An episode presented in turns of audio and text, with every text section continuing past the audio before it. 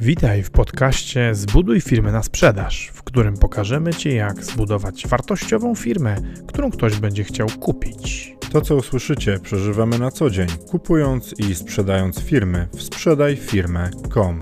Zapraszamy, Paweł Korycki, Maciej Stępa.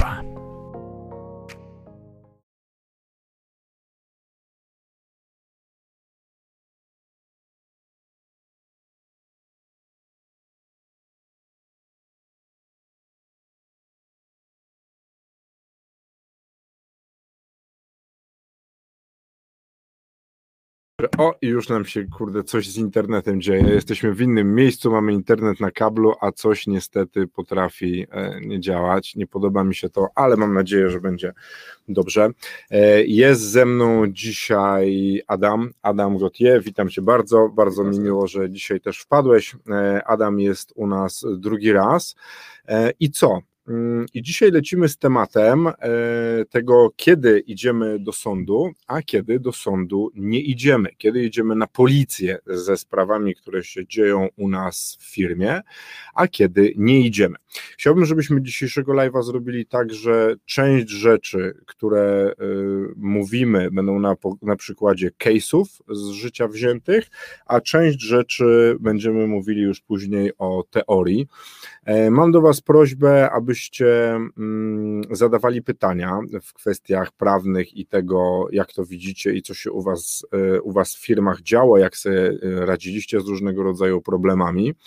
Dlaczego ten temat prawniczy? Mm, wydaje nam się, że jak zakładamy firmę, to wszystko będzie super, będzie fajnie, będziemy się tylko rozwijać, a potem rzeczywistość nam mówi, że nawet bez naszych, naszego podejmowania akcji będziemy musieli jeździć do sądu. I ja to właśnie dzisiaj przygotowałem sześć takich różnych przykładów, w których mm, tak naprawdę, powiem Ci szczerze, zawiniłem w dwóch, a pozostałe cztery to są rzeczy, które się pojawiły e, przez czyjeś działania. Nie? I e, cześć Rafale, witam Cię serdecznie. E, Rafał Kurzawa jest już z nami, ale słuchajcie, lecimy.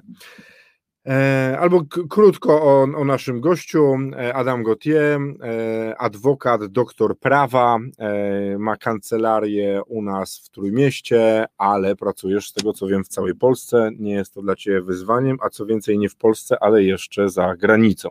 W jakich krajach pracujesz? Zgadza się, głównie we Francji. O, Francja, super. To y, fajnie, daleko. Jak się robi sprawę we Francji? Jest inaczej niż w Polsce? Jest zdecydowanie inaczej. E, procedura jest zupełnie inna. Czasochłonność samego procesu jest bardzo podobna, natomiast, natomiast procedura wygląda zupełnie inaczej. Okej, okay. a y, co to znaczy, że inaczej? Już od samego składania pozwu tak naprawdę różni się cała procedura. Tutaj e, tak naprawdę to w gestii powoda jest to, żeby, żeby pozew został doręczony. E, to powód ustala termin rozprawy w sądzie. To nie jest tak, mhm. że rozprawa jest wyznaczona z automatu przez sędziego. Okej. Okay.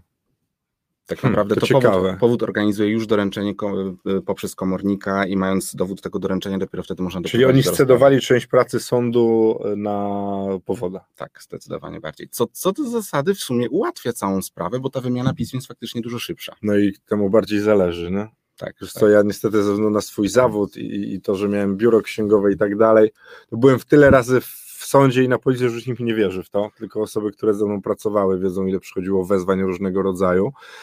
E, I powiem Ci, byłem przerażony polskimi procedurami. Przerażony tym, jak policja jest często bezsilna. Oni nie mają internetu jeszcze, znaczy nie mają, bo to jest wiesz, bezpieczeństwo, więc tam, żeby wejść w internet, musi być pytanie do E, programisty, żeby dał dostęp do stron i tak dalej, więc używają swojego prywatnego sprzętu, są braki w sprzęcie.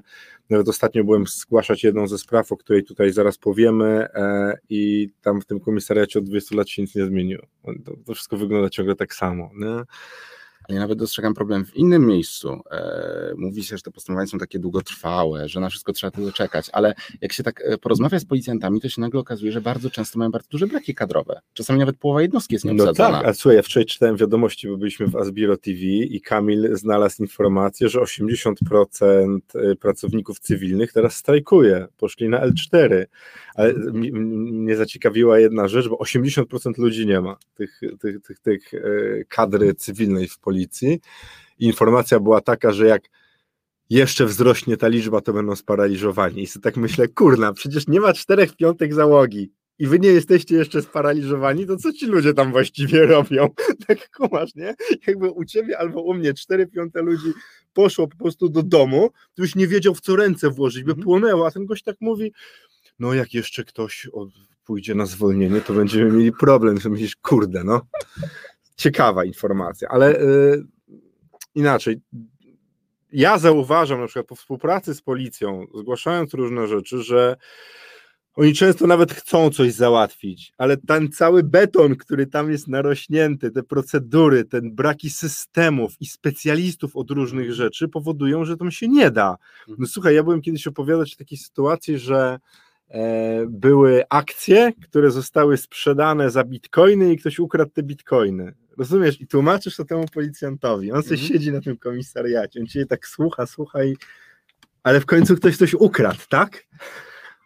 Tak, proszę pana. No, Były kupione akcje za bitcoiny. O dobrze, to wypowiem mi pan teraz, co to są te bitcoiny, nie? A specjalistów od bitcoina. Ja mam dane sprzed półtora roku. Mhm. Był jeden na Polskę. Mhm. Jeden na Polskę. I więc w związku z czym, jak się wydarzały te rzeczy, to nie było z kim rozmawiać. Nie? Ja nawet wiesz, policjant albo prokurator prowadzący śledztwo nie miał z kim gadać. Nie?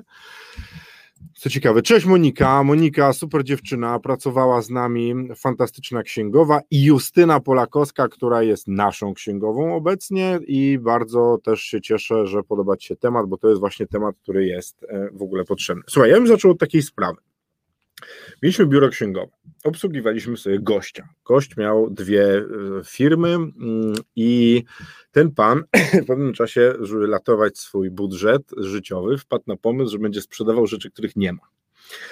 Sprzedawał rzeczy, których nie ma mm, przy użyciu Allegro przez trzy miesiące. Allegro go nie zablokowało. I w związku z czym e, sprzedawał przez Allegro, nie wysyłał po całej Polsce, więc setki ludzi zaczęły chodzić sobie po całej Polsce na komisariaty i zgłaszać, że on ich okradł.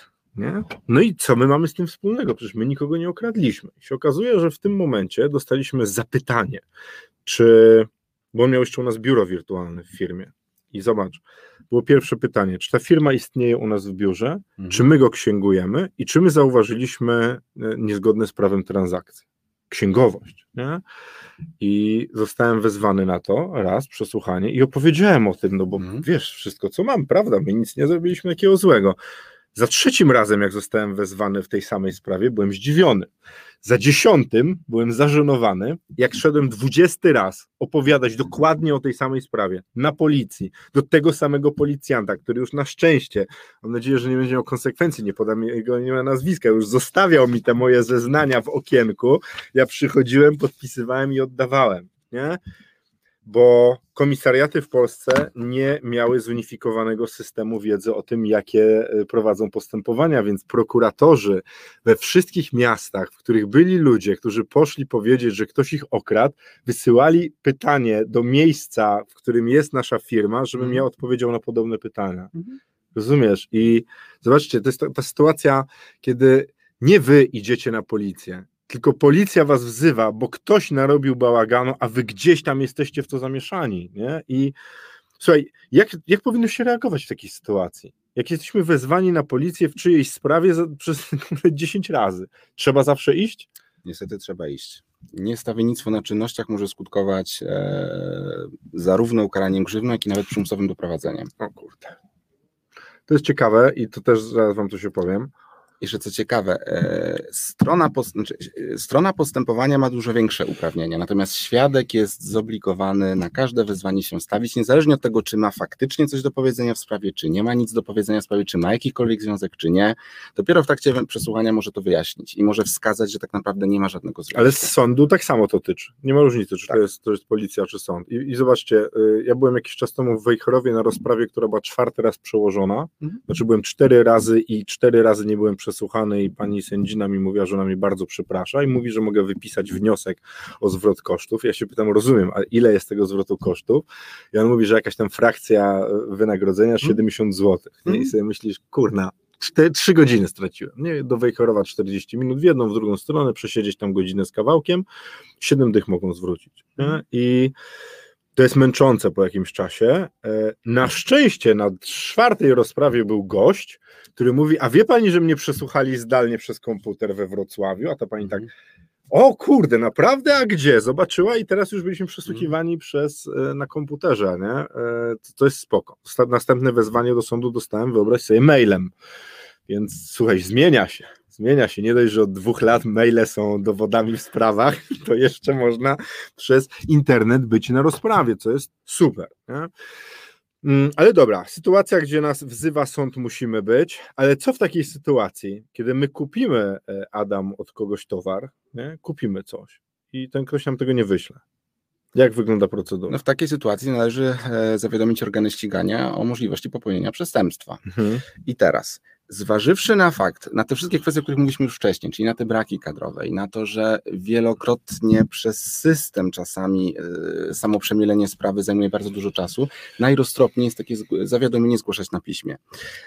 Opisać czyn i co najważniejsze, wskazać na dowody, jakim, yy, którymi dysponujemy na poparcie tego, że faktycznie doszło do przestępstwa. Mhm. Bo później, jeżeli e, co do zasady, oczywiście, że organy, e, organy postępowania przygotowawczego i w ogóle organy ścigania powinny działać z urzędu, powinny same szukać dowodów. My nie mamy obowiązku ich przedstawiania, to jednak jeżeli chcemy, żeby skutecznie takie, e, żeby to zawiadomienie odniosło skutek, to, to faktycznie należy w te wszystkie elementy wskazać. No tak, a wiecie, to, to, to może wam się wydawać dziwne, że policja albo organy ścigania, czyli prokuratura nie do końca chcą, yy, znaczy się zajmą prawidłowo sprawami, ale jakiś czas temu w Gdyni na jednego prokuratora przypadało 50 kilka spraw. W związku z czym. To musiało być bardzo dawno temu. A teraz ile przypada? No myślę, że raczej w setkach bym liczył. To tak Myślałem, tak jak, że powiesz nie, zatrudnij to tak jak, ludzi. E, gdzie tam? E, braki kadrowe są wręcz przerażające i, i, i zawsze, Dobra, mówię klientom, ten... zawsze mówię klientom, że jeżeli chcą, żeby ich sprawa była załatwiona szybko, to niech zrobią tak, żeby trafiła do sądu w świeciu. Tam faktycznie przydział spraw na sędziego czy na prokuratora e, jest liczony w dziesiątkach, a nie w setkach, dzięki czemu e, udało mi się tam załatwić sprawę w pół roku, e, mając pięć rozpraw a za czyn popełniony w czerwcu akt oskarżenia skierowano w lipcu, w sierpniu już miałem pierwszy termin rozprawy. No, czyli słuchajcie, jest tak, że jeśli prokurator ma 100 spraw, to ma półtora godziny miesięcznie na zajęcie się nią. Co robisz? Jeżeli ma 100 spraw, a zapewne ma ich znacznie więcej. Więc, to, to tak więc najpierw jest tak, morderstwa, to jest w pierwszej linii frontu prokuratora, potem gwałty, pobicia i tak dalej, a potem dopiero jakiś taki łach, który przyjdzie i tam ci mówi, że ktoś na niego umowę podpisał. No dobra, to co się takiego stało panu? Żyje pan? Jest pan cały? No jest pan, no to, to biznes, nie? No to ciekawe. To zresztą wiesz co, ja, ja, zauważyłem w ogóle tak, taką tendencję, że policja przez, przez te wszystkie takie braki różnych rzeczy, jak się gdzieś dwóch ludzi pobije nożami, to jest zachwycona, rozumiesz? Ja, przepraszam, że tak mówię, ale wiecie, bo to jest tak. Wsiadasz do radiowozu, jedziesz na rejon, szukasz oskarżonego, go tam w bransolety, do wozu, dowieziony na przesłuchanie, to jest prawdziwe działanie, a nie tam kurna, że ktoś gdzieś bitcoiny y, zatracił i, i wiesz, i trzeba robić w internecie czynności, które są no, kurna, trudne. Nie? Plus nie zapominaj, że jeszcze prokurator musi jeździć na każde samobójstwo, na każdego wisielca. No tak. A ilość tych też rośnie cały czas. Nie? I, i słuchajcie, no dobra, ale to, to powiedziałeś właśnie o tym, e, że jak zgłaszamy sprawę do organów ścigania, to dobrze, żebyśmy mieli ją dobrze opisaną i żeby były zebrane y, dowody. I to Wam powiem z przed półtora tygodnia, jak wyglądała sytuacja.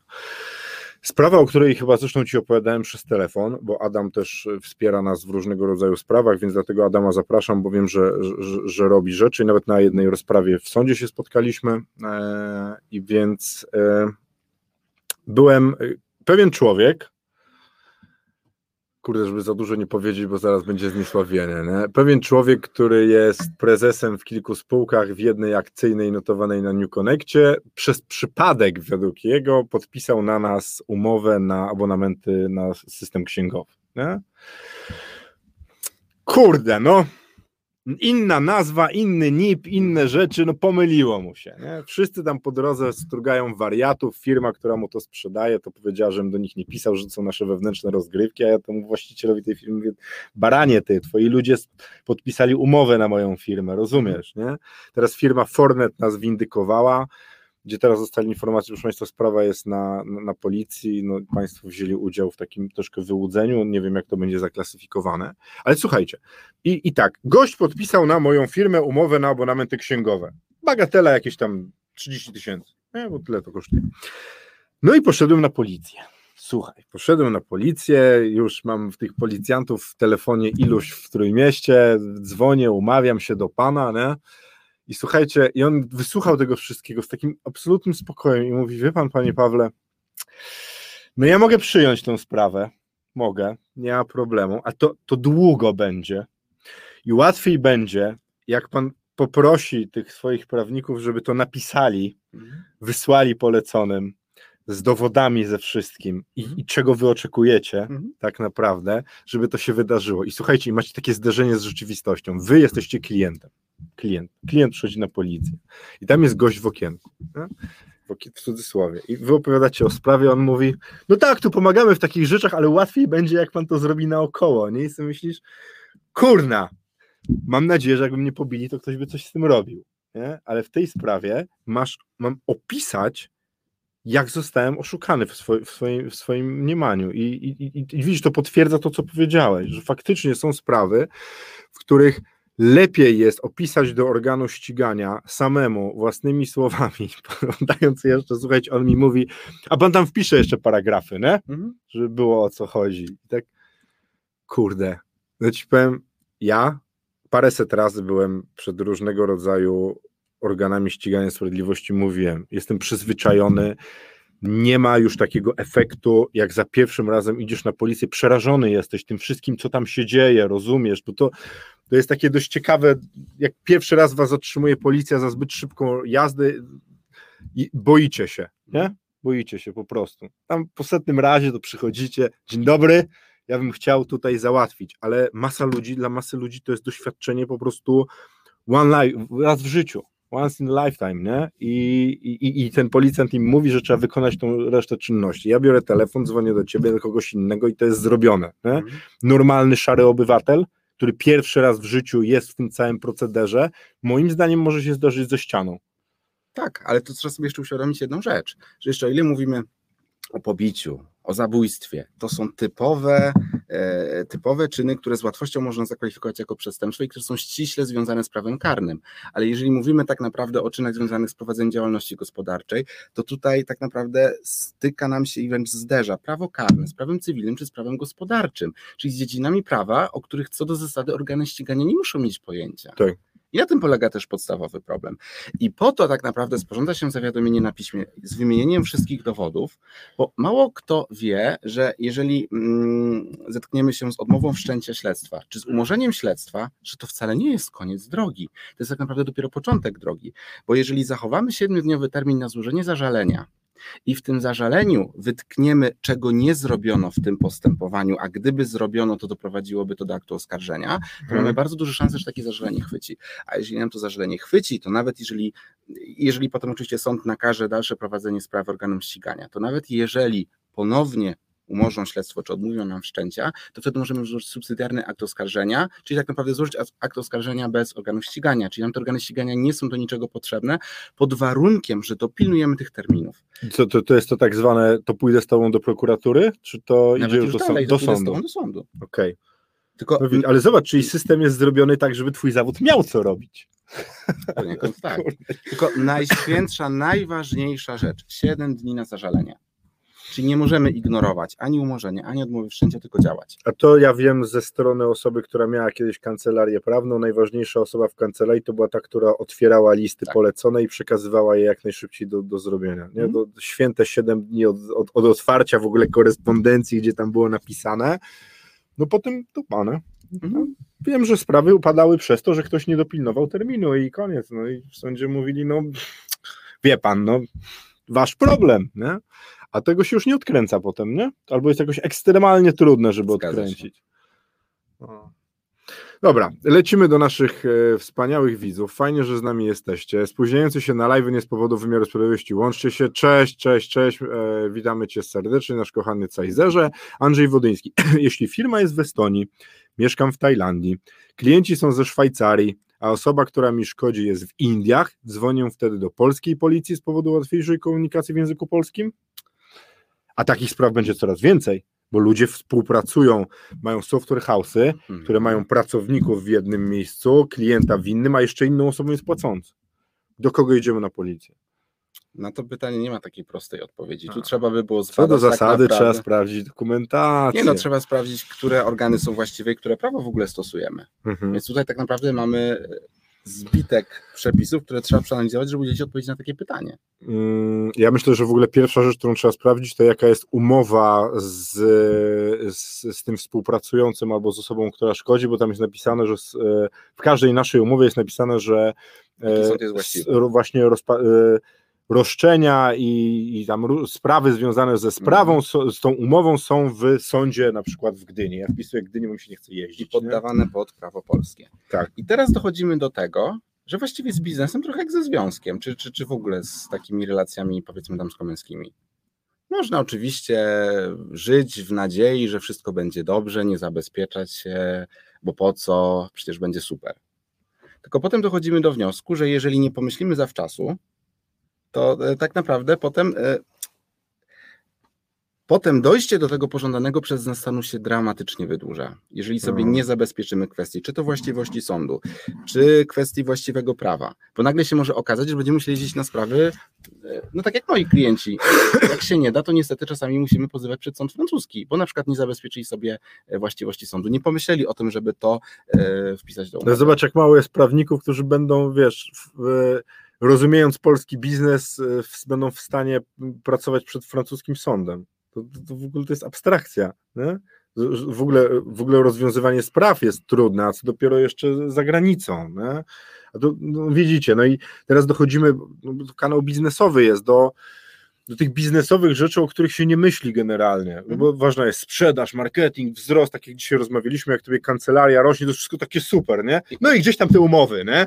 Gdzieś tam umowy, jakiś regulamin kupiony z neta albo od prawnika, który sprzedaje to standardowo, no i potem jeździcie po tym świecie. I... Ale Andrzej, to jest świetne pytanie. Tak naprawdę to jest pytanie, które pokazuje, że może być mega skomplikowana sytuacja, która, wiecie, 20 lat temu mogła nie zaistnieć, Mhm. no bo miałeś tam, najwyżej miałeś dostawcę z Rosji albo z Niemiec. Nie? To, to było wszystko. A teraz możesz mieć członków zespołu w Indiach, twoja firma jest w Estonii, pracujesz w Polsce, podatki płacisz w Polsce, e, a klient jest skądś tam, a jeszcze ktoś inny zaszkodził. To jest świetne pytanie. E, Andrzej Wodyński jeszcze zadaje pytanie humorystyczne. Paweł, jak reagujesz na wezwanie do ambasady tej właściwej Korei na rozprawę za publiczne powiedzenie Kim to pała? Rozpatrywałem to i powiem Ci tak szczerze, rozpatrywałem to jakiś czas temu e, w kwestii coachów, którzy mówią, wszystko jest możliwe. Nie? No to jedźcie do Korei Północnej i powiedzcie, że Kim to pała i zobaczycie, jak wiele rzeczy jest możliwe na świecie. E, tak szczerze, ja bym poszedł do, polskie, do polskiego, do ministra sprawiedliwości, może do Ziobry, albo gdzieś powiedziałbym, że y, mnie, obywatela polskich, chcą krzywdzić. Wiesz, to jest niby śmieszne pytanie, Mhm. nie? Ale kurde, to jest, to jest kraj, który ma największą chyba zespół hakerów na świecie, nie? I ja bym powiedział, ja bym jednak zgłosił, że ktoś chce mi robić ałany z innego kraju i to może wam się wydawać śmieszne, ale ja, ja w, swoim, w swojej rzeczywistości rozpatrywałem taką sytuację. Nie? Słuchaj, następna sytuacja. I to jest ciekawa też. To, co ja opowiadam wam, to są z życia wzięte historie, do których się tak, wiecie, mocujemy, nie? Żeby nazwiska nie powiedzieć tego gościa, że zamarzę. Pracował z nami radca prawny. Radca prawny robił dla nas różne rzeczy. Mieliśmy z nim umowę współpracy, nawet przez chwilę mieliśmy z nim spółkę. I, i co się wydarzyło? Mieliśmy klienta, który dostał od nas proformę. Tą sprawę też znasz, znasz. Dostał od nas proformę. Klient dostał od mojej firmy proformę. Nie zapłacił, sytuacja zniknęła praca została wykonana, no, proforma, no, więc nie mieliśmy przynajmniej podatkowych problemów, nie? bo nie zapłacił. Po jakimś czasie e, jeden z naszych innych prawnik, który z nami współpracował, który wykazał się dużą etyką, mówi: Ty, trafił do mnie taki mail, nie? gdzie klient pisze, że dziękuję za zrobienie sprawy i że płatność poszła. Ja tak, wiesz, zacząłem sprawdzać, o co chodzi i okazało się, że ten prawnik, który z nami pracował, do tej proformy wystawionej przez moją firmę wysłał swój e, adres, numer konta. I ten klient zapłacił jemu na jego konto mhm. za moją proformę. Co to jest? Tak naprawdę to tego typu czyn, tego typu zachowanie można analizować dwojako, mhm. zarówno cywilnoprawnie, jak i karnoprawnie. No bo teraz, jeżeli ten prawnik działał jako osoba nieuprawniona do tego, żeby podać swój rachunek bankowy, no to de facto wyłudził te pieniądze. Mhm. Pytanie, kto jest stroną pokrzywdzoną? Czy strona, która zapłaciła na nieprawidłowy numer konta, i od której wy de facto macie prawo domagać się zapłaty, no bo przecież to on działał jako osoba nieuprawniona, ewentualnie wy do tego podmiotu, potem e, ten podmiot mógł mieć regres do tego prawnika. Natomiast... E... No ja się czuję wydymany, wiesz, tak jakby na to nie patrzeć, kurde, miałem klienta, zrobiliśmy pracę, za nią mm. zapłaciłem, a ktoś inny wziął za to pieniądze, no? Mm więc nie dupa boli. to... Niewątpliwie działa jako osoba nieuprawniona, więc myślę, no. że to, to jak najbardziej kwalifikowałoby się także pod, pod, ściganie, pod ściganie i tak naprawdę odpowiedzialność karną. Już abstrahując od odpowiedzialności dyscyplinarnej, bo jeżeli mówisz, że był to prawnik, to tak naprawdę również podlega, e, podlega swoim przepisom korporacyjnym e, i tak naprawdę kodeksowi etyki albo adwokackiej, albo radcy prawda? Ja wiem, tylko tam wiesz, jaka jest sytuacja jeszcze konotacji rodzinnej i rady etyki, niestety, więc słuchajcie, Przede wszystkim jak robicie sprawę przeciwko radcy prawnemu, to idźcie do adwokata, który jest z innej szkoły magii, nie? To tak po prostu jest. To jak, jak, jak, w Hogwarcie, jak chcecie się mhm. napitalać tam, nie, nie pamiętam jak oni się nazywali, no ale nieważne, no, z czerwoną szkołą magii to musicie iść do niebieskiej, nie? no bo radcy prawni powiedzieli, że no tak, tak, tak, to jest problem, zrobił źle, ale wiesz, przeciwko koledze, to tak trochę głupio, nie? Więc jak macie sprawę przeciwko radcy prawnemu, albo jeśli macie sprawę przeciwko adwokatowi, to idziecie do tej drugiej, drugiej strony, żeby, żeby bez tego. E, a powiedz mi taką sprawę, czy idzie się wtedy zażalenie składać do e, Izby Radcowskiej w innym mieście niż on jest, czy do jego? Nie, do jego. Do jego Izby Radcowskiej, okej. Okay. Wtedy rzecznik dyscyplinarny bada. I tak samo, tak samo jak z zawiadomieniem o podejrzeniu popełnienia przestępstwa, w takim zawiadomieniu o, o przewinieniu dyscyplinarnym należy wskazać na wszystkie dowody, mhm. Żeby nie można było jakby tej odpowiedzialności uniknąć. Okej, okay, a powiedz mi tak, czy taki gość, radca prawny, jak zostanie skazany, to traci uprawnienia? A to zależy, jaką karę mu się wymierzy. Ale tak, najsurowszą karą jest wydalenie z zawodu. Normalnie na koło i łamać, nie? nie, bo ci powiem tak, ja byłem o tyle zawiedziony tą sytuacją. W biznesie masa ludzi mnie oszukała. Masa ludzi, między innymi dlatego, że miałem za miękkie serce. Udało im się zrobić tak, że już trudniej mnie oszukać. Nie? Ale ja uznaję wasze zawody za, za zawody zaufania publicznego. Rozumiesz, jak pracuję z takim gościem, to przynajmniej to chciałbym mieć taką pewność, że ten NDA to jest podpisany z automatu. Mhm. Że jak ja mówię tobie coś, to nawet nie muszę mieć kwitu, po prostu u ciebie jest napisane, że nie mówisz o sprawach klientów, jak lekarz. Mhm. A drugie to, że będzie uczciwość, a moje doświadczenia pokazują, że nie, kurwa, że niestety są różni ludzie, różne sytuacje. Na każdego trzeba uważać. Zgadza się, tylko y, to, o czym ty mówisz, wynika w mojej ocenie przede wszystkim z faktu, że się rzadko zawiadamia o tego typu zdarzeniach, przez co osoby, które faktycznie naginają kodeks etyczny, czują się bezkarne. Bo mało kto zawiadamia. No tak, bo się boją, co im prawnik zrobi, nie? I jeszcze tam cała rodzina jest kurna prawnicza. Nie? No życie, no i potem się uczy takiego, wiecie, że to wszystko może spłynąć, że, mhm. wszystko, jest, że wszystko jest ok. No dobra, ale to, a powiedz mi teraz tak, wydarzyła się taka sprawa, nie? że tam mam jakąś dokumentację mailową, e, klient, jest mail od klienta, że, że tam powiedzmy zapłacił i tak dalej. Jak wygląda droga w takiej sytuacji? Tak naprawdę e, tego typu sprawy, jeżeli mamy płatność, która nie została uregulowana, no to to jeszcze nie jest oszustwo. Nie, tak ale mam mhm. napisane, że on wysłał e, numer konta swój. No bo wiesz, on oprócz tego, że się wykazał brakiem etyki, to jeszcze trochę jest kretynem i zrobił to tak, że gdzieś ten mail do mnie trafił, że on, ja wiem, że on to zrobił. A mhm. potem jeszcze jak zadałem mu pytanie, kurde gościu, czyś ty oszalał? On napisał, tak, to na poczet przyszłych rozliczeń. Rozumiesz? I on przyznał się do tego, mm. że on mhm. to zrobił, nie? No dlatego uważam, że nie należy z tym zwlekać, bo no. też organy ścigania patrzą w ten sposób, że jeżeli zbyt długo czekamy z zawiadomieniem, to patrząc z dużą, z dużą dozą, nie chcę mówić ostrożności, ale już takiego powątpiewania. To teraz skoczmy do punktu z kolei y, piątego, ale związanego z tym. Co by było, gdybym ja posiadając tą dokumentację, ale bez wyroku sądu, powiedział, że ten i ten pan jest złodziejem z powiedzmy, nie wiem, kula skądś tam. Obawiam się, że e, mógłbyś się na, narażać na naruszenie jego dóbr osobistych, bo dopóki Okej. nie jest skazany prawomocnym wyrokiem, Czyli jak ktoś jest złodziejem, Jest ale nie jest oficjalnie powiedziane, że jest złodziejem czy tam oszustem, to, to nie i można teraz e, nie naruszasz dóbr osobistych wtedy, kiedy twój zarzut jest prawdziwy. mówić. Mhm. Tylko to na tobie spoczywa ciężar dowodu, żeby wykazać, że faktycznie, e, że faktycznie poczyniony przez ciebie zarzut prawdziwy był. Okej, czyli Chyba, to, że miałbyś pra- prawomocnie skazujący wyrok, no to już nie musisz nic wykazywać. I mogę sobie cywil- powiedzieć. Tak, bo ale co, mogę cywilne- wtedy normalnie wziąć live'a, kurde, i usiąść i powiedzieć, słuchajcie, pan taki i taki normalnie jest złodziejem. Jeżeli został skazany za kradzież, tak. Nie naruszasz niczyich dóbr osobistych wówczas. To musimy tą sprawę ruszyć. to, ja, to ja to zrobię tylko po to, żeby zrobić potem live'a, w którym to... Dobra.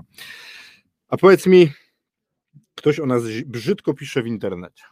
Nie? Taki kłopot, który się dość często pojawia od jakiegoś czasu, bo, bo, Google ma swoje, wiesz, e, systemy oceny, Facebook, mamy u siebie systemy oceny, wpada ktoś i zaczyna po nas cisnąć. Mhm. Na przykład w księgowości była to bardzo częsta sytuacja, kiedy mówiłeś klientowi, że gościu, masz firmę, liczę cię, cały czas liczę twoje księgi, ale nie płacisz mi od pół roku, muszę z tobą rozwiązać umowę. I w związku z tym, że ty mu mówisz, że rozwiązujesz umowę, a on nie płaci, on przychodzi na internet i pisze, jaki to ty nie jesteś. Mhm. Nie? Co można z takim delikwentem zrobić? Zasadniczo kilka rzeczy. Bo to, o czym ty mówisz, e, można zakwalifikować i cywilnoprawnie pod kątem dóbr osobistych, i także karnoprawnie pod kątem zniesławienia. Mhm. Jeśli to kwalifikujemy jako zniesławienie, to tak naprawdę kierujemy prywatny akt oskarżenia do sądu z uwagi na to, że to przestępstwo ma trochę inny tryb ścigania. Tu nie działają organy postępowania przygotowawczego, tylko od razu składamy prywatny akt oskarżenia do sądu. Okej. I wtedy sąd, e, jeżeli ustali, że doszło do popełnienia przestępstwa zniesławienia, no to wymierza karę. Dodatkowo można się domagać zadośćuczynienia, e, publikacji określonej treści. Zresztą podobnie jak w przypadku, kiedy e, kierujesz pozew ochrony dóbr osobistych. Mhm. A to ciekawe. I co? I nawet po takim poście na. A dobra, a inaczej.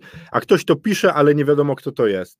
Tylko jest tam wpisane, nie wiem, na Muminek 69. Ale organy ścigania mogą e, tak naprawdę, trzeba tylko zbadać whois, żeby e, sprawdzić, e, sprawdzić, jaki serwer tym administruje. Okej. I módlmy się, żeby to był serwer polski. Mhm. I wtedy tak naprawdę w takim zawiadomieniu e, wnosimy o to, żeby, w zależności od tego, na którym etapie jesteśmy, e, czy, czy, czy sąd, czy organy ścigania, przy prywatnym akcie oskarżenia sąd, żeby się zwrócił do, do tego e, podmiotu, który tak naprawdę prowadzi ten serwer i wskazał nam adres IP. Mhm. Możemy też złożyć wniosek o zabezpieczenie dowodu, więc poprosić organy ścigania, żeby poustalały te kwestie. Więc tak naprawdę po adresie IP przynajmniej możemy ustalić, z którego komputera się logowano i gdzie. A jaka jest sprawność organów ścigania w takich kwestiach? No, jeżeli jesteśmy dostatecznie szczegółowi, to czasami się udaje. Jeżeli mamy, e, jeżeli mamy do czynienia z serwerem polskim, się udaje. bo jeżeli, jeżeli jest to, no nie wiem, nie daj Boże wpis na Facebooku, no to już mamy bardzo duży problem. No Ale dobra, jeżeli a są to fora polskie, jakaś gazeta.pl czy, czy, czy inna czateria, to no oni wiedzą. Tak, to, to, to, to, to jest, jest to do zrobienia. Okej, Nawet w kilku sprawach mi się udało e, ustalić adres IP i dzięki, dzięki znajomości adresu IP e, poznać adres i wtedy już organy ścigania mogły e, na miejscu ustalić, kto z tego komputera czyli się korzystał. da. No, słuchajcie, czyli nie ma się co bać. A Michał Grzeląska pisze, Pawle napisz kto to w kwestii prawnika. Nie napiszę, ale co by było, gdybym ja w rozmowie z Michałem, osobistej, siedzę sobie z nim tak jak ty i tu i mówię, kto to był. Mhm. To to jest przestępstwo czy nie?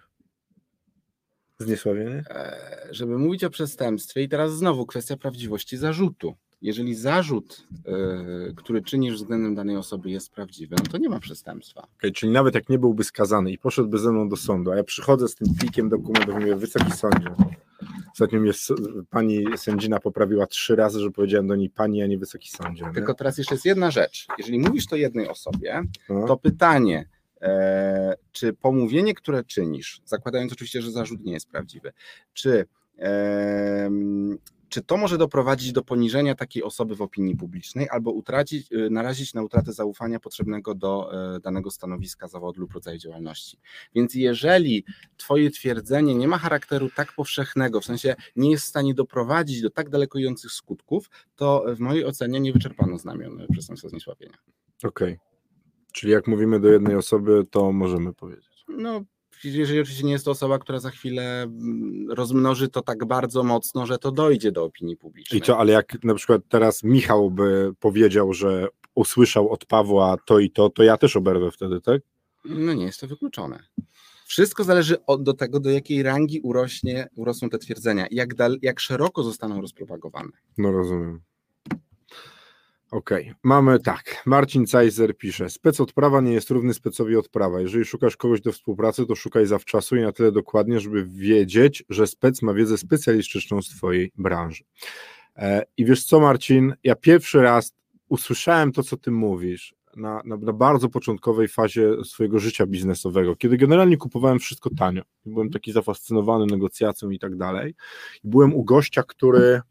No wtedy już był, był milionerem nie? i mówi mi, że on kupuje, ale to był 2009 rok, i on mówił mi wtedy, że on kupuje prawników w Warszawie za 400 za godzinę, tak jakbyś teraz kupował za 1000 zł. Nie? Ja mu mówię, chyba spadłeś z choinki człowieku. Nie? A on mi mówi, no tak, tylko że po pierwsze oni nie dodają sobie godzin, żeby, żeby im się opłacało, a po drugie, że wiem, że będzie zrobione. I dla mnie jest taniej kupić 10 godzin za 5 tysięcy mhm i sprawa jest załatwiona, niż rzeźbić z jakimś gościem, który na moim case'ie się właśnie uczy tego, jak to zrobić. Nie? Więc Marcin, ja się absolutnie z Tobą zgadzam e, i tutaj dobrze mieć ludzi w ogóle wcześniej sprawdzonych w boju, jak idziemy na, na takie, wiecie, poważne rzeczy. Nie? Szczególnie, że Twój zawód ma potężną nadprodukcję. Potężną. Adwokaci, radców prawni, co jak ja zakładałem pierwszy biznes, to w całej Polsce było 16 tysięcy radców mhm. prawnych i prawników yy, i adwokatów całej Polsce, nie? W tej chwili ile jest was? 60 tysięcy, 80? Jakaś taka liczba w ogóle, wiecie, w 15, w 18 lat zwiększyło się 4 albo 5-krotnie ilość w ogóle osób wykonujących zawód prawniczy z uprawnieniami w ogóle. No tak, ale to przez otwarcie dostępu do zawodu. No tak naprawdę y, po studiach prawniczych, żeby dostać się na aplikację adwokacką czy radcowską, wystarczy y, w teście jednokrotnego wyboru na 150 pytań udzielić 100 poprawnych odpowiedzi i zaczyna się aplikacja. Dwie trzecie. O kurde, czyli jedna trzecia spraw może być przegrana, bo nie wiesz. Dobrze, że lekarze są bardziej ten, no, ale z drugiej strony, wiesz, w ogóle zawód adwokata i radcy prawnego prawnika też się zmienił, bo ja pamiętam, jak ja jeździłem kiedyś e, do takiego, kurde, nie powiem nazwiska, bo on bronił takich specyficznych ludzi wtedy. Znany, znany trójmiejski adwokat mm, i, i on miał tą wiedzę w głowie albo w książkach. Nie? Teraz wchodzisz w Lexa i możesz sobie znaleźć pewne mhm. rzeczy, rozwiązania spraw. Możesz przygotować pozew na podstawie tego, co już było gdzieś tam kiedyś zrobione, bo te maszyny funkcjonują, nie? więc ten zawód też się zmienia. Teraz trzeba umieć układać klocki, bardziej niż w ogóle mieć to wszystko w głowie zapisane. Jest, dochodzimy do takiego momentu, w którym robienie prawa to jest dobre ułożenie informacji, które są dostępne i jeszcze wymyślenie powiedzmy czegoś takiego wytrychu, który zrobi. Nie? Zmienił się ten zawód przez ostatni, a to też to jest kilkanaście lat dopiero. Mi się też wydaje, że kluczem do sukcesu w tym zawodzie jest przede wszystkim skrupulatność. Mhm. To, żeby z klientem omówić wszystkie detale, żeby to nie było takie maszynowe czy takie produkcyjne, bo to inaczej nie odniesie skutku, bo tak naprawdę diabeł tkwi w szczegółach, bo to nie jest sztuką napisać dobre zawiadomienie czy dobry pozew, jeżeli potem nie przygotujemy całego postępowania dowodowego, jeżeli nie omówimy z klientem pytań do świadków, jakie mhm. chcielibyśmy zadać. No tak.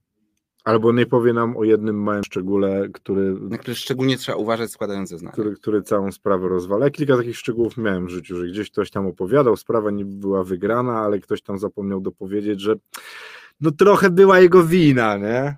A już cała ta machina była uruchomiona i, i potem, potem koszty szły. Dobra, słuchaj, następny case, który na pewno bardzo ciekawi nas, wszystkich jako przedsiębiorców. Brak płatności. Wystawiamy fakturę, praca jest zrobiona, jest odebrana jeszcze do tego, pamiętajmy, i klient nam nie płaci. Co wtedy? Ja zawsze mówię, że im szybciej klient do mnie przyjdzie, tym mniej to będzie kosztowało. Więc Mhm. znacznie roztropniej byłoby dobrze przygotować umowę i zabezpieczyć mechanizm płatności, żebyśmy nie musieli przechodzić do etapu postępowania sądowego. Bo niestety musimy się liczyć z tym, że po pierwsze, jeżeli nasz e, pozwany będzie się sprzeciwiał naszemu roszczeniu, no to w miesiącach raczej bym nie liczył trwania procesu, tylko, tylko bardziej w latach. Po drugie, nawet jeżeli wygramy proces, nie mamy gwarancji, że ta osoba jest wypłacalna i że egzekucja doprowadzi do realizacji roszczenia. Mhm. Niemniej jednak, jeżeli mamy typowe roszczenie o zapłatę, to co nam pozostaje, to złożenie do sądu po prostu pozwu o zapłatę, w Mhm. którym musimy wymienić wszystkie dowody na poparcie naszych twierdzeń, to, że e, strony wymieniły zgodne oświadczenia woli, czyli zawarły umowę, że umowa została wykonana i jedyne co nie zostało wykonane to zapłata należności. E, oczywiście warto składać takie pozwy w postępowaniu nakazowym lub upominawczym, bo wówczas sąd w pierwszej kolejności wydaje nakaz zapłaty i dopiero w razie złożenia sprzeciwu od tego nakazu zapłaty sprawa trafi do rozpoznania e, na zasadach ogólnych. Jeżeli natomiast ten sprzeciw nie zostanie złożony, no to możemy od razu już kierować e, wniosek do komornika o wszczęcie egzekucji. No dobra, ale finalnie i tak rozwiązaniem jest to, że komornik będzie próbował ściągnąć te pieniądze. Tak, ale komornik nie może działać bez, bez orzeczenia sądu. Okej. Czyli tak czy inaczej, jeżeli nie mamy dobrowolnego spełnienia świadczenia, możemy myśleć o jakiejś miękkiej windykacji. Są firmy, firmy windykacyjne, które dzwonią i czasami to przynosi rezultat. Natomiast jeżeli nie ma tej No to przy małych kwotach, no bo jak ktoś wiesz, tam już zalega ci milion złotych, to tam dzwoniąca pani z jakiegoś oczywiście, czegoś tam. I wówczas sąd cywilny jest jedynym rozwiązaniem tak naprawdę. Mhm. A powiedz mi, e, bo, bo często słyszymy o tym sądzie elektronicznym w Lublinie. O, o co chodzi? E, W telegraficznym skrócie, jest, ten sąd prowadzi standardowe postępowanie e, upominawcze jak pozostałe sądy, z tą różnicą, że w postępowaniu tym elektronicznym wszystko jest w formie elektronicznej. My nawet nie przesyłamy dowodów na poparcie naszych twierdzeń, tylko je wymieniamy. Mhm. I wtedy jest y, Okej. generowany przez referendarza elektroniczny nakaz zapłaty, który oczywiście jest wysyłany y, Papierowo. pocztą. Tak. No i w, albo składa się sprzeciw. I wtedy, y, wtedy to postępowanie niestety nie, nas nie doprowadzi do zamierzonego rezultatu, bo jakby jest zasadnicza różnica pomiędzy tym elektronicznym postępowaniem teraz, a przed reformą.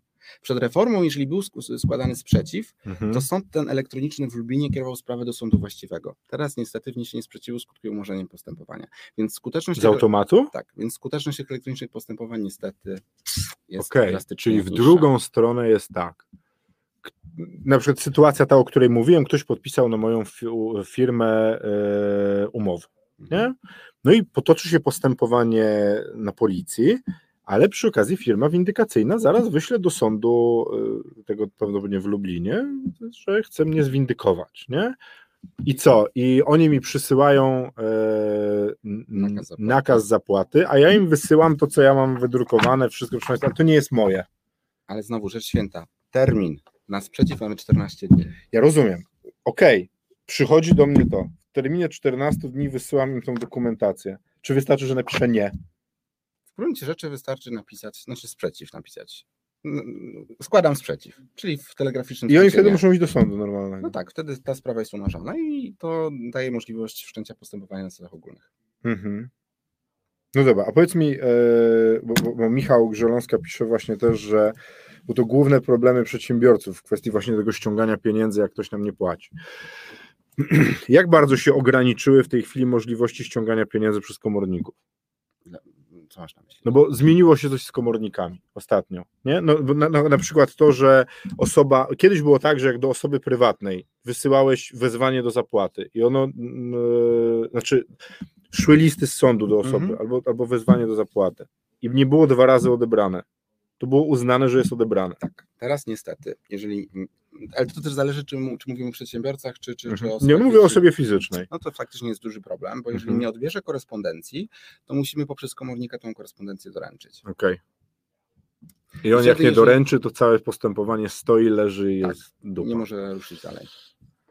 I też jest ten problem, że komornicy często nawiedzają takie osoby fizyczne w godzinach yy, No pracy, no tak, a tam... czyli w czasie, kiedy ktoś przebywa akurat- poza domem. No dobra, ale a jak komornik nie zadziała, to już koniec. Więc trzeba znaleźć takiego komornika, który da nam poczucie, że faktycznie będzie próbował tą korespondencję A my możemy sobie wybrać, który komornik ma windykować? Tak. A to nie jest tak z- jak z notariuszami, że oni, wiesz, mają prawo regionu i, i nie mogą pracować w innych regionach? To znaczy mają, e, na pewno nie mogą prowadzić egzekucji z nieruchomości poza, poza swoim obszarem. To tak. Natomiast w, w zakresie pozostałych, pozostałych e, kwestii nie ma zasadniczo przeciwwskazań. Bo notariusz może tylko w swoim mieście tak naprawdę pracować, tak? Też nie widzę przeszkód, dla, dla których miałby nie pojechać na czynność wyjazdową. Okej. Bo kiedyś ja, ja słyszałem tak, że no- notariusze to generalnie tak jakoś są tam zrejonalizowani, ale może to miejska legenda, nie? I tak samo jak z adwokatami czy radcami prawnymi też można mieć siedzibę w jednym miejscu, No tak. świadczyć usługi w całym kraju. Jeździć na występy gościnne po sądach. tak. Słuchaj, e, Monika Shendel pisze, e, a jakie dowody poza mailami, fakturami, umowami można przedstawić? Czy SMS-y również są akceptowane? Jak najbardziej to jest tak zwana forma dokumentowa. Wszelkie, wszelkie dowody na poparcie naszych twierdzeń są jak najbardziej wskazane. Im mocniejszy mamy materiał dowodowy, tym mamy większą szansę na to, że e, sprawę wygramy. Natomiast bardzo często trzeba też uważać na dowód z opinii biegłego. Musimy pamiętać, że sąd nie ma wiedzy specjalnej i nie musi jej mieć. Czyli jeżeli my twierdzimy, że umowa jest wykonana, a nasz przeciwnik twierdzi, że umowa może i jest wykonana, ale źle, Mhm. to tak naprawdę w takim procesie najczęściej to biegły rozstrzyga, czy faktycznie jest wykonana prawidłowo, czy nieprawidłowo i czy te wady, które są zgłoszone przez naszego przeciwnika, są w istocie wadami, czy są tylko pretekstem do tego, żeby nie zapłacić. Tylko na to trzeba bardzo uważać, bo jeżeli zgłosimy wszystkie dowody, e, e, tak jak tutaj było wspomniane, umowa, faktury, cała korespondencja, ale strona przeciwna podnosi wady, a my nie udowodnimy, że tych wad nie było, właśnie dowodem z opinii biegłego, to narażamy się na przegranie procesu. Powiem, To brzmi jak strasznie długi proces. Mhm, Zgadza się. Strasznie długi proces. A teraz w ogóle wiecie, te, te, ten czas pandemiczno-popandemiczny to jest taki, że na odpowiedzi z sądu się czeka miesiącami. Tak, aczkolwiek pandemia też troszeczkę przyspieszyła, bo teraz dużo więcej korespondencji, w szczególności do pełnomocników profe- profesjonalnych, doręcza się e, elektronicznie za pośrednictwem portalu e, informacyjnego. No mówię ci, ja E, dostałem maila z wezwaniem na rozprawę do Wejherowa i jeszcze rozprawa będzie przed komputerem. Nie? Rozprawy odbywają się zdalnie, a nawet jest możliwość wydania wyroku na posiedzeniu niejawnym. Więc pandemia faktycznie troszeczkę usprawniła. A myślisz, że tak zostanie już? Czy zaraz jak się, jak pandemia minie tam za jakieś dwa lata, to oni wszyscy powiedzą, nie, wszyscy do gmachów, wracamy, macie tu być, przyjeżdżać. Wiesz. To zależy, jakie będziemy mieli przepisy, bo niestety przepisy są na ten moment skonstruowane w ten sposób, Że że, z uwagi na pandemię, jeżeli pandemia ustanie, Mhm. Bo, bo zobacz, my czasami dostajemy wezwania gdzieś, te- teraz już mniej, stanowczo mniej, nie? ale wezwanie w jakimś tam Giżycku, kurna, albo Gorzowie, nie? I, I wiesz, jak masz tam dymać na cały dzień, jesteś wyjęty cały dzień, nawet Piszemy- nie ma gwarancji. no i jeszcze nie ma gwarancji, że się odbędzie. Nie? Wiesz, zawsze piszemy tą prośbę o przesłuchanie w miejscu zamieszkania, ale nie, nie zawsze sąd się na to zgadza. Nie, nie, nie zawsze to, to przyjdzie, dojdzie. E, chociaż z drugiej strony powiem Ci tak, Adam, jak podchodzi się po ludzku do tych, do, do tych wszystkich organów i się rozmawia jak człowiek i dzwoni się i pisze się, słuchajcie, no mam chore dziecko, ja ostatnio, mam chore dziecko, nie mogę przyjechać. Mhm. Nie ma problemu. Mhm. Spoko. Najgorzej jak dwa razy się nie stawisz, dostaniesz raz 500 zł grzywny i potem, potem po ciebie przyjeżdżają. Ale słuchajcie, ja, ja miałem kiedyś taką. Mnie to bawiło. No może kogoś to nie, nie ma kontaktu z policją, by nie bawiło. Siódma rano, niedziela, dzwonek do drzwi, to taki wiesz, klasyczny, nie? Tak, dwie sekundy, nie? Schodzę na dół, otwieram tam dwóch policjantów. Nie? I że kto pan jest? A ja, no Paweł Korycki, nie? A oni. No my pana szukamy, pan się ukrywa, nie? I ja wiesz, kurna moja chata, nie? Jak się ukrywam? W domu jestem przecież. Jakbym się ukrywał, to byście po mnie do domu nie przyjechał, no pan się nie stawił. Nie? Okazało się, że wysyłali wezwania e, na firmę, gdzie siedzibę miałem, ale 4 lata temu. Mhm. Nie? I przyjechali do mnie i oni mówią, że ja się ukrywam, nie stawiam się na ten, No, nie? na przesłuchanie. Ja pytam, no dobra, okej, ale w niedzielę? No, na pana, największa szansa jest, że pan przyjedzie, nie? E, I, I tak też może wam się zdarzyć, że nawet nie wiecie o tym. No wiesz, no to sąsiedzi widzą, suka przyjechała, wyśli policjanci i znowu do Pawła policja, nie, nie, nie pierdziele, nie? I oni się spytać, nie, co u mnie. A raz miałem taką sytuację, jako pomoc prawna byłem wezwany, policjant przyjechał. Normalnie do domu przyjechał wręczyć mi kwit, nie? Lato, grille, wszyscy na tym, a tu przyjeżdża policjant, no i co, co sąsiedzi myślą? No kurna, przedsiębiorca, wiedzieliśmy, że złodziej! Mówiłam ci, Mariusz, że on jest ten, jakiś trefny. A On przyjechał, mówi, dzień dobry, panie Paweł, wie pan, co ja, ja przywiozłem. No ja się go pytam, wie pan, ale polecony 3,60 kosztuje, nie? Naprawdę tego nie można było wysłać? No tak, ale przesłuchanie jest jutro, więc by nie doszło. Nie? I słuchajcie, no więc też jest tak czasem, że organ ścigania jest y, przy okazji e, przy okazji e, dostarczycielem listów. Nie? E, słuchaj, co my tu mamy? E, Ania Myszewska pisze, bardzo dziękuję, przypomnienie o terminach jest kluczowe, już nie wspomnę o zgubionych przez Pocztę Polską poleconych, nie do udowodnienia, że się nie odebrało. O widzisz jaki case, zdarzyło Ci się? Poczta Polska jeszcze jak Poczta Polska, ale jak były te, był ten okres Impost, czasu, kiedy z Impost tą blachą doręczał taką. korespondencję, tak, to był chaos w zakresie doręczeń. No i ja się załapałem na ten chaos, bo ja, ktoś z Was zna topografię Gdyni, to ja mieszkałem na Chważnie, a punkt odbioru przesyłek był w Chylonii, to znaczy trzeba było przejechać obwodnicą na dzielnicę obok, tam autobus jeden jeździł wtedy i miałem tu do odebrania list z sądu, nie? jeszcze z tą blaszką taką, bo to nie był list, tylko paczka, masakra to była.